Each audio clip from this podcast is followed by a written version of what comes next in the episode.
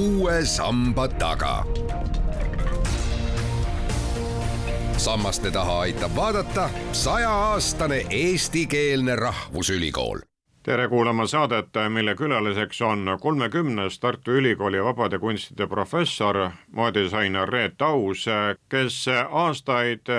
püüdnud suunata meie mõtteid, kuidas olla säästlikum, jätkusuutlikum, mis meist maha jääb ning ilmselt kui Alma Materist see kutse tuli, siis te pikalt ei pidanud mõtlema ja plaanima oma loengukursust Keskkonnahoid moetööstuses. Või arutasite iseendaga kaua? ega ta niimoodi väga kohe see jah ei tulnud, sest et äh, tol hetkel, kui see ettepanek oli, siis äh, ma teadsin, et ma viibin pikemat aega üldse Eestist ära ja, ja oli ka võimalus, et ma olen sellel õppeaastal üsna palju Eestist eemal, et äh, aga eks me siis arutasime oma plaanid läbi ja kõik tundus mõlemale poolele sobivat ja, ja ikka põhimõtteliselt oli see jah ju seal kohe olemas küllap andis indu ja hoogu programmi kokkupanemisel ka töö Kunstiakadeemias samas valdkonnas? Nojah, ega ma ju tegelikult äh, lektorina juba päris mitmeid aastaid ei, ei tööta, ma olen vanemteadur ja tegelikult ikkagi väga niisugusel praktilisel alal tegutsen äh, ja liigun väga palju ringi tänu oma tegemistele et ähm, noh, ja siin on ikkagi ennekõike vähemalt see poolaasta, mis me teeme, on niisugune äh, loengupõhine suuresti, kuigi me teeme seminare ja, ja meil on praktilised ülesanded ka. aga jaa, no ma ütleks, et Tartu Ülikool on olnud äärmiselt paindlik ja, ja, ja kaasamõtlev, väga lihtne on olnud tegelikult kokku panna seda programmi, sest et iga mõte, mis ma olen välja pakkunud, on sobinud. Nii on väga lihtne. Olgu tegemist loengute või olgu tegemist praktikumidega? absoluutselt, et meil on olnud selline väga lihtne leida sellist ühist vormi vastastikku, et äh, väga meeldiv kui vaatate nüüd auditooriumisse, siis kes vastu vaatavad, kes on need, kes tulevad ja on ja käivad vabade kunstide professori loengutes? väga erinevad, esiteks juba vanusegrupid on väga, väga erinevad, et äh, on selliseid, kes on otse keskkoolist tulnud ja on tõepoolest, ma arvan, et ka hoolimata sellest, et ma olen üsna juba eakas, siis ka minust vanemaid inimesi seal, aga see profiil on tegelikult üsna laia, lai, et alates tõesti usuteadustest kuni, kuni ma ei tea, bioloogideni välja, et, et ta on tegelikult mitte siis ainult vabad kunstid, vaid on väljast, väljastpoolt ka, mis on tegelikult väga tore, ka minule väga hariv. No iseenesest ka see temaatika, mida te käsitlete, on ju väga hariv ja käib ajaga väga ühte sammu, sellepärast et see jätkusuutlikkus on kilbile väga tõstetud ning mõelda tuleb, kuidas siis paremat homset luua ja et see parem homne ikkagi tuleks, nii et seda rauda tuleb rautada päris kõvasti praegu. Jah, et see vahe on väga suur, et kui ma seal võib-olla, mis see võis olla, nullindate alguses hakkasin oma seda jutukest rääkima jätkusuutlikkusest ja sellest, et asju võiks teistmoodi teha ega siis äh, mul väga dialoogipartnereid äh, ei olnud, äh, nad enamalt jaolt olid ikkagi väljaspool Eestit ja kui ma ka oma doktorit tegin, siis, siis mul ikkagi võttis väga pikalt aega, et, et, et leida näiteks Eestist juhendajat, et ma, ega ma ei leidnudki, et mul olidki esimesed kaks juhendajat olid väljastpoolt ja lõpuks see juhendaja, kellega ma lõpuni läksin, on hoopis keskkonnataustaga Harri Moora. et miks ta, miks ta selline ühest küljest kõigi ja mitte kellegi teema on, ongi see, et, et ta tegelikult, see jätkusuutlikkus toob ju kokku nii erinevad distsipliinid, me räägime seal kultuurilisest jätkusuutlikkusest, keskkonna jätkusuutlikkusest, sotsiaalsest, majanduslikust, et see tegelikult, tegelikult sa peadki justkui nagu igast asjast midagi teadma, selleks, et seda üldse mõista. aga noh, meie ikkagi ju enamalt jaolt meie haridussüsteem koolitab väga tugevalt spetsialiste. ja nii on see pikalt olnud, et, et see, et, et noh, distsipliinide üleseks minna, see tahabki niisugust noh, väikest jõupingutust ja ekstra sammu, et aga see on juhtunud ja, ja, ja see teema on järjest aktuaalsem, mis minul loomulikult teeb ju tuju väga heaks jah, kui te alustasite selle selgitustööga, siis oli neid ninakirstutud, ütleme siis vastalaste kohta niiviisi küllalt, kuid nüüd on üldine trend siiski soodne selles suunas, mis vagu te ajate? ma ütleks küll nii jaa, et, et ma olen pidanud nii tohutult palju tegema nagu just sellist nagu jututööd või selgitustööd ja vastama küsimustele, siis, siis mul on hea meel, et ma järjest vähem pean seda tegema ja, ja on hästi palju tekkinud teisi inimesi, kes ka vastavad küsimustele ja räägivad nendel samadel teemadel, et, et see inimeste hulk, kes selle teemaga süvitsi just nimelt nagu tegelema on hakanud, on ju, on ju järjest kasvanud ja, ja, ja mitte ma ei räägi ainult siin sellisel nagu noh, jutu tasandil, vaid tegelikult ka ikkagi noh, niisuguse nagu uurimustöö tasemel, et eh, mis on, ma arvan, erakordselt oluline, sest et tegemist on nagu, kui me räägime ringmajandusest näiteks, mis on selline Euroopa Liidu järgmine suur noh, samm, mida ta tahab võtta, siis noh, meil on tegelikult vaja seal väga sügavaid teadmisi selleks, et mõista, kuidas me seda üldse oma igapäevaellu toome ja kuidas me teda olemasolevaga hakkame siduma, et, et see siin nagu jutust üksi ei piisa, et meil on tegelikult vaja ikkagi väga-väga tõsiselt noh, tõsiseid eksperte, kes suudavad erinevates valdkondades seda läbi viia. tegu on mõttemõõt, nagu öeldakse. jah mida teie intuitsioon ütleb, et kummast tuleks siis äh, alustada või kummale rohkem panustada, kas nendele loojatele või siis kasutajatele? see on niisugune muna-kana küsimus on ju, et äh, tuleb panustada mõlemale poole, aga kuna inimene on ehitatud selliselt, et et tema harjumusi muuta on väga raske ja, ja meie see äh, selline noh, majanduslik ruum, kus me elame ikkagi, siia on nii tugevalt sisse kodeeritud tulemuslikkus ja, ja, ja kasu ja, ja, ja paremad numbrid iga aasta lõpus, et, et eeldada, et ilma reguleerimata lihtsalt sellest, et inimesed ärkavad noh, homme hommikul üles ja on justkui paremad inimesed, et see oleks väga naiivne loota, et see nii päris läheb, et seetõttu see, see käibki, käibki käsikäes, et ühest küljest tuleb reguleerida, mida tegelikult Euroopa Liit on asunud väga jõuliselt tegema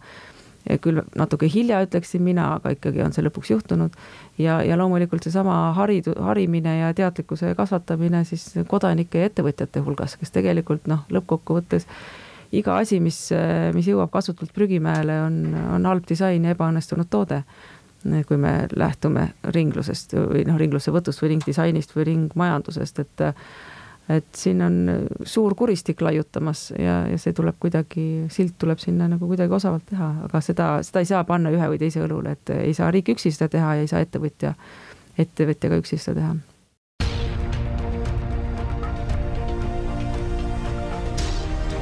uue samba taga. sammaste taha aitab vaadata sajaaastane eestikeelne rahvusülikool Retaus, kuid kas need esimesed edusammud sel teel ongi seotud kas nende Euroopa Liidu pookstavedega, mis siis annavad meile käsulaudadena ettekirjutuse, et kuidas me peaksime käituma, millised Euroopa sihid on või on see esimene vili kusagil mujal? noh, kui nagu suurt pilti vaadata, siis, siis meil on ju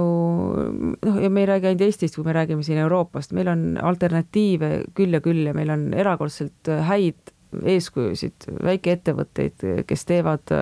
kes, kes noh, tõesti töötavadki ringse ärimudeli põhjal, aga aga noh, eks need kurjategijad on ikka suured korporatsioonid, kellel on tegelikult kõige suurem mõju ja, ja, ja seal äh, ei ole küll eriti näha, et et see muutus nagu tõsiseltvõetav oleks. ja seal on seda reguleerimist kõige rohkem vaja, et, et noh, ma ei tea noh, osades tööstusharudes me oleme jõudnud tootja omavastutuseni, kas me jõuame näiteks nagu moe- ja tekstiilitööstuses selleni ka ühel hetkel, siis see kindlasti muudaks asju, kindlasti nagu maksustamine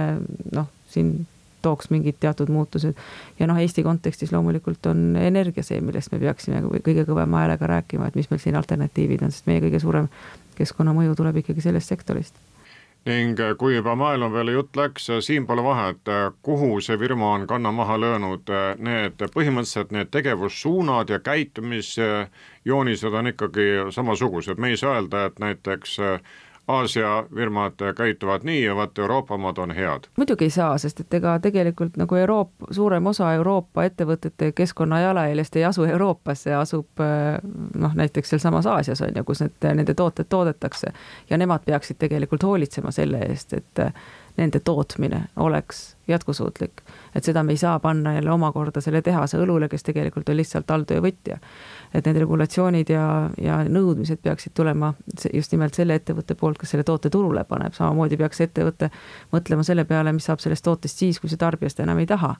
et äh, me siin heaoluühiskonnas, me võtame kogu sellest toote olelusringist ainult selle kõige parema ja mugavama osa, ehk siis kasutus. aga noh, igal tootel on ju sünnilugu ja tal on ka noh, seesama olelusringi lõpp. et kui ta nagu ümbertöötlusesse või ringlusesse ei lähe, siis, siis saab temast ju prügi. ja, ja prügi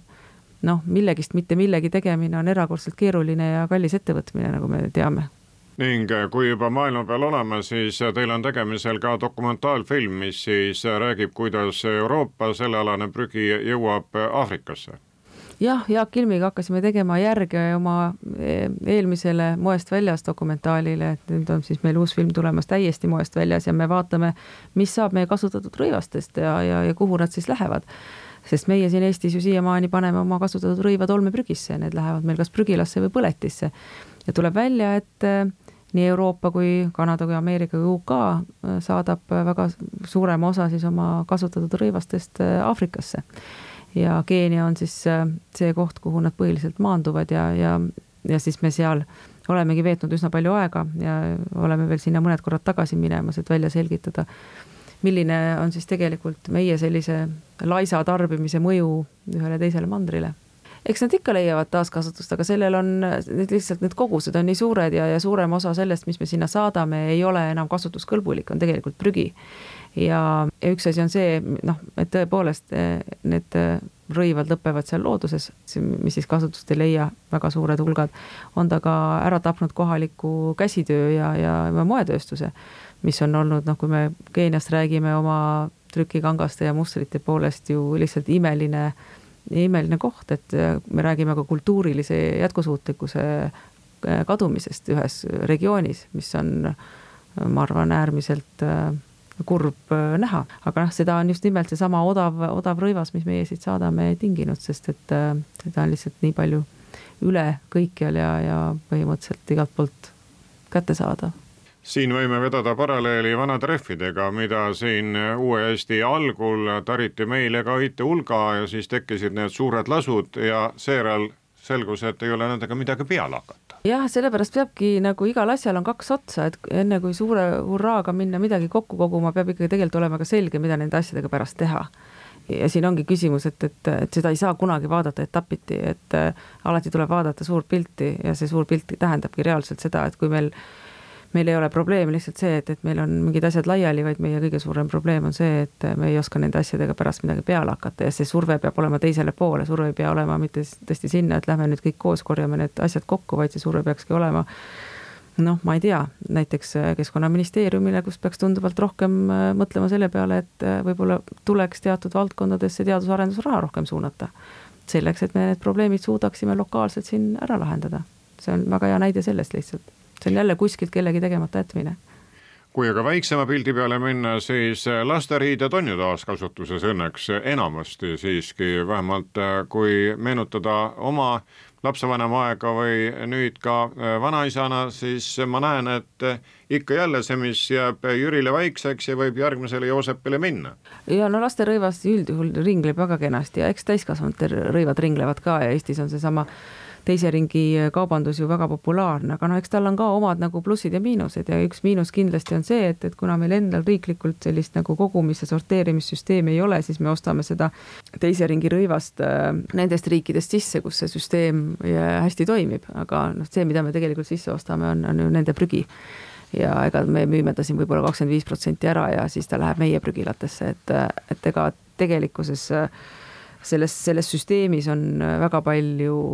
sellist äh, tumedat poolt ja, ja mitte toim-, noh, just kõige suurem probleem tegelikult ongi see, et, et tekstiilijäätmel ei ole lahendust ja, ja ta on, tal pole hinda,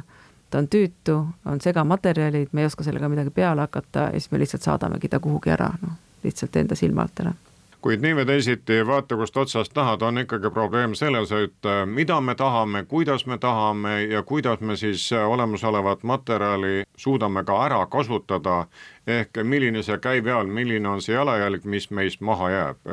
see on nagu mõtlemise koht ja no loomulikult eh, ma arvan, et nagu üksikisiku seisukohast on ikkagi põhiline mõtlemiskoht see, et, et mida ja kui palju ma tegelikult vajan. Ja, ja kui ma ja kellele ma oma raha annan, eks, et, et kui ma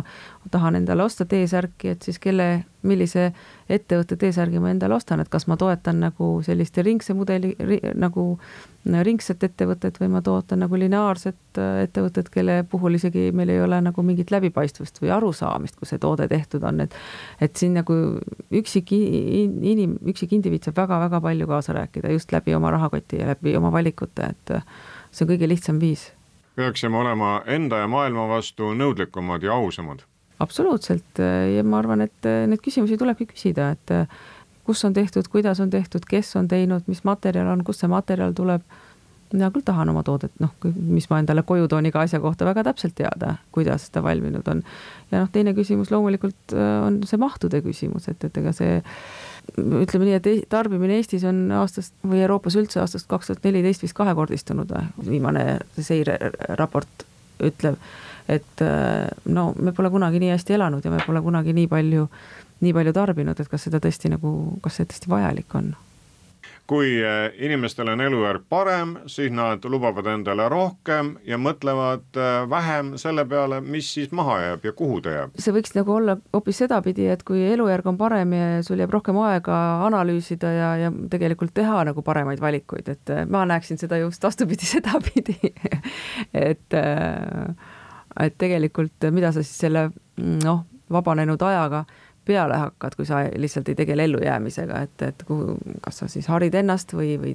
muudad maailma paremaks või, või lihtsalt lähed, ostad veel kolm paari teksapükse endale kappi? Kui moemaailmas äh, annab suuna kätte Pariis, äh, siis kuidas on siis selles valdkonnas, mis rida teie ajate, et kes on nagu kaugemale oma mõtetega läinud, kes suunab siis seda taaskasutust? noh, eks äh, laias laastus see valdkond, kus, äh, kus ma tegutsen, on, seda kutsutakse aeglaseks moeks, mis siis tähendab seda, et seal hooaegasid ei ole. tänu sellele me noh, see selles valdkonnas siis niisugustest nagu üldistest trendidest kinni ei peeta, pigem on selline elustiili kaubamärgid, et igal kaubamärgil on seal oma stiil, noh, meil on ka väga selge selline minimalistlik äh, ja üsna dekoratiivne käekiri, mis väljendabki siis sedasama väärtustavat taaskasutust, millega me tegeleme, et et äh, mis ei tähenda seda, et, et ta kuidagi nagu paralleeluniversum oleks või, või kuskil väljaspool sellist üleüldist äh, moe, moeskeenet äh, eksisteeriks, eks ikka kõik on üks, aga, aga muidugi need platvormid on erinevad ja, ja, ja näitamiskohad on küll erinevad, et jätkusuutlik disain ikkagi asetab ennast nagu no ei aseta ennast sinna klassikalise moe vaatamise ja müümise kohta kuid äh, kõik see, mida te olete rääkinud, mida te olete teinud, on ikkagi selleks, et äh, me oleksime mõistlikumad, äh, jätkusuutlikumad, nii et kui teie loengukursus otsib vastust küsimusele, et kuidas luua paremat homset, siis vastus on ikkagi olemas, et meie enda käitumise läbi on seda võimalik, arvamuste tarbimise läbi on seda võimalik suunata jah, ma selles osas olen sada protsenti nõus, et äh, sellest tulebki alustada ja, ja tegelikult ju saab väga selgelt ka vaadata üle oma igapäevased tegevused, et samamoodi nagu noh, millega ma oma raha teenin, et kuhu ma kaheksa tundi iga päev või noh, viis päeva nädalas oma aja panen, et kas see, mida ma teen, teenib sedasama paremat homset või mitte, et eks need, need on ju kõik ühe inimese valikud. Te siis äh, tunnetate, et selle vastu on huvi suurem, ükskõik, kas te olete siis ametis Kunstiakadeemias või praegu siis Tartu Ülikoolis, noored, sirguv põlvkond tunneb selle vastu suuremat huvi oo jaa, ma ütleks, et äh, ja väga suure osa noorema põlvkonna jaoks isegi ei ole enam huvi, vaid see on tegelikult äh, niisugune elementaarne teadmine, see on justkui baasteadmine, et kui siin kümme aastat tagasi oli see ikkagi nagu alternatiiv, siis mulle nagu tundub, et sellest lõpuks vähemalt teatud osa ühiskonna jaoks hakkab sellest saama normaalsus, mis on nagu väga, ma arvan, väga suur selline nagu muutus just nagu mõttemaailmas aitäh, Tartu Ülikooli vabade kunstide professor Reet Aus, usutleja oli Madis Ligi.